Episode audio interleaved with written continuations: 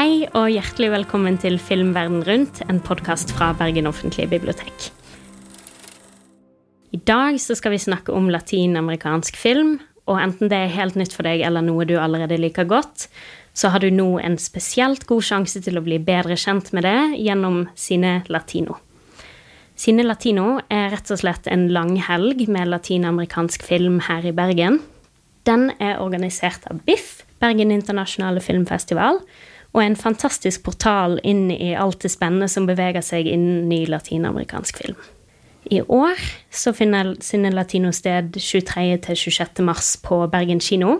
Og med meg for å snakke om latinamerikansk film er Håkon Tveit, som er leder av Sinne Latino, og også et kjent fjes for alle som regner Biff som årets høydepunkt. Hjertelig velkommen, Håkon. Veldig kjekt å ha deg her. Tusen takk. Veldig kjekt å være her. Eh, latinamerikansk film har en veldig spennende og veldig dynamisk eh, historie med ulike epoker, kan man si. I den grad det er mulig, kan vi ta en kort gjennomgang av latinamerikansk film? Det må vi kunne gjøre. Latinamerikansk film er mye forskjellig. Eh, det er jo veldig mange forskjellige land og mange ulike kulturer, kan en si latinamerikansk film var i hvert fall kanskje de første 50 årene preget av liksom, de store industriene, som var Mexico, Argentina og Brasil, som holdt på med hovedsakelig melodramaer og komedier, og etter at lydfilmen kom, eh, musikaler veldig. Det var veldig populært.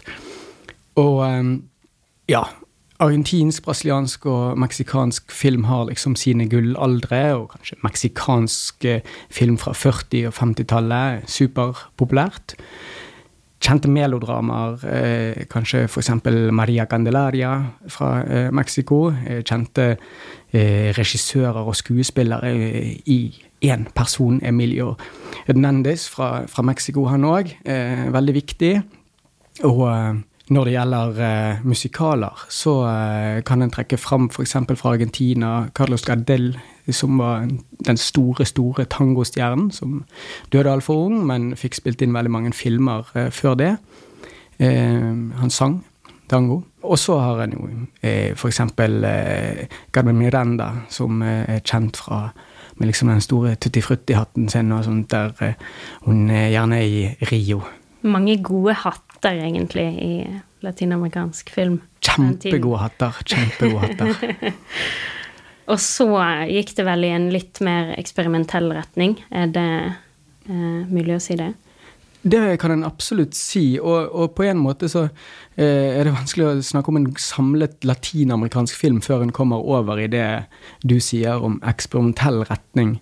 Um, egentlig på 50-tallet, eh, andre halvdel av 50-tallet, og så mer eksplisitt og samlet og organisert utover 60-tallet i manifester om hvordan en skulle lage film, hva funksjon film skulle ha, hvordan latinamerikansk film kunne skille seg fra både Hollywood og eh, fra europeisk eh, liksom, nybølge, den franske nybølgen og sånne ting.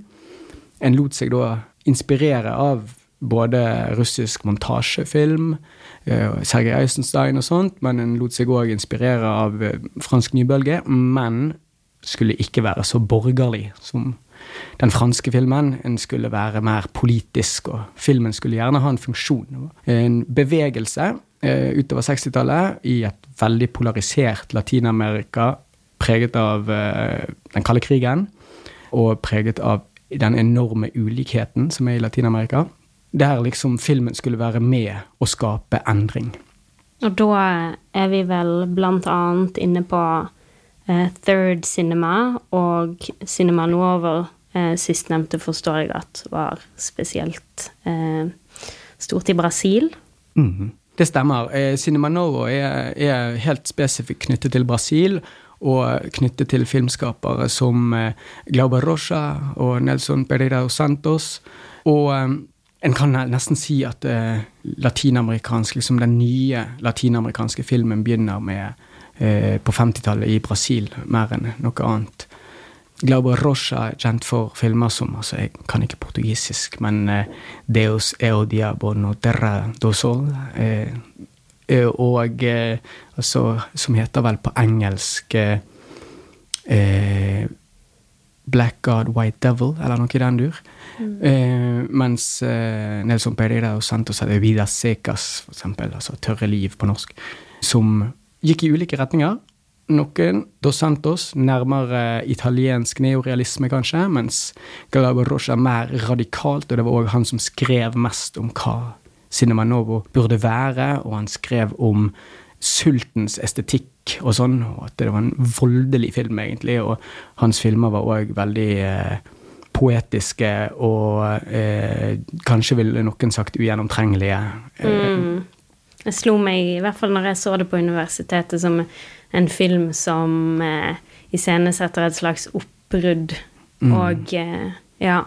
Da, mm. da, hadde jeg følelsen av at nå ser jeg noe helt nytt. Ja. Så det hadde jo den effekten, mm. men samtidig um, også eh, på ingen måte konvensjonell narrativ. Nei. Mm. Og det kan jeg òg si om det Du snakket om den, det, den tredje filmen, da, eh, eh, som er, faktisk springer ut fra Argentina. og eh, manifestet til eh, eh, Pino Solanas eh, og Octavio Hedino, og deres eh, liksom store mesterverk, de los eh, Smelteovnenes time, som han pleier å bli vist som på norsk.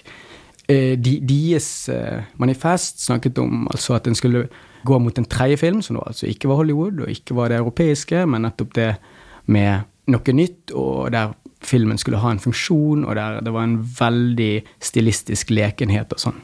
Den eh, time begynner med liksom store slagord som slår mot deg, og veldig, veldig hardtslående, men sakte eh, start. Filmen har òg liksom et punkt der det står på lerretet enhver tilskuer er en forræder. Eh, som er jo merkelig når du sitter i kinosalen og ser på. Og så er det da et avbrudd for at en skal ha en samtale i salen. At en skal diskutere liksom de politiske temaene som er tatt opp i filmen, som da handler om utnytting og om ulikhet og imperialisme, gjerne i regi av USA, og den slags. Det kan jeg, kan jeg like. Mm. Kanskje vi bør begynne å implementere diskusjonspauser her på biblioteket. Vi har jo også seinere blitt kjent med noen latinamerikanske regissører eh, på verdensbasis, eller som har gått over til det eh, mer kommersielle, og da tenker jeg jo mest på de meksikanske. Da, mm. der ser vi vel noen eh, overlappende store navn. Ja, absolutt. De, spesielt disse meksikanerne som eh, som eh, amerikanerne, etter at de har tatt det inn i varmen, kaller The Three Amigos. Okay. Eh, Guillermo del Toro, eh, Alejandro González Iñárritu og eh, Alfonso Cuarón, som alle sammen har jo hanket bøtter og spann med priser. Oscar-priser en masse. Og egentlig Emanuel Lubeski, altså fotografen, altså, som har òg hentet inn Oscar-priser. Eh, de er veldig kjente. Eh, de mest kjente filmene deres er jo eh, gjerne Hollywood-produksjoner, men alle sammen har jo òg laget filmer i Mexico som brakte latinamerikansk film til, til oppmerksomheten selv til litt bedøvede nordmenn. som Amores Perros, eller Elskede kjøtere, av Iñárritu eh, Itu Mamá También, og mora også, eh, Guarón Eh, og Guillermo del Toro, som beveger seg mer i sjangerlandskapet med Kronos og sånn eh, på 90-tallet. Laget veldig populære filmer i Spania, sant? Pans labyrint og sånn, eh, men har vært eh, mye i Hollywood siden. Ja, store, store navn. Mm. I Pans labyrint så er det jo et poeng at monsteret ikke er monsteret. Eh, det er eh, på en måte eh, fascismen som blir skildret gjennom en metafor. Jeg vil våge å påstå at det er noe vi finner i mye latinamerikansk film. At det blir brukt i en politisk retning også i dag. Er du enig med det? Det kan jeg være enig i. Eh, jeg tror altså der liksom eksperimenteringen var voldsom på 60-tallet og sånn, så når vi, når vi hopper over til 2000-tallet, så Enten det er liksom mer sosialrealisme, eller det er sjangerfilm som eh, Del Toro holder på med, så eh, føler jeg at det veldig ofte er filmskapere som har veldig mye på hjertet, og som, som er engasjert i noe utenfor uh, filmen òg, selv om de i aller høyeste grad har voldsomt hjerte for, for film uh, som sådan, og, og uh, film som kunstart, så, så er, er, det folk som er engasjert òg i latinamerikansk politikk og i all urettferdigheten som det bugner over av i Latin-Amerika. Enten det er mer eksperimentelle ting, eller det er et ganske konvensjonelt filmspråk, så føler jeg at det er mye engasjement, da. Mm. Og eh, det er kanskje relevant for mitt neste spørsmål, som er hvorfor latinamerikansk film? For du har jo eh, startet Sine Latino, som eh, beriker oss veldig, som har lyst til å se mer av det. Så hva var det som gjorde at akkurat dette var det sånn Nei, dette, dette må vi dele, dette må vi se sammen. Her, her er det noe. Mm. Altså, jeg har vært opptatt av latinamerikansk film lenge. Syns det er enormt mange gode historier å ta av der. Det er jo veldig mye drama. Det er, det er den regionen med mest ulikhet i verden.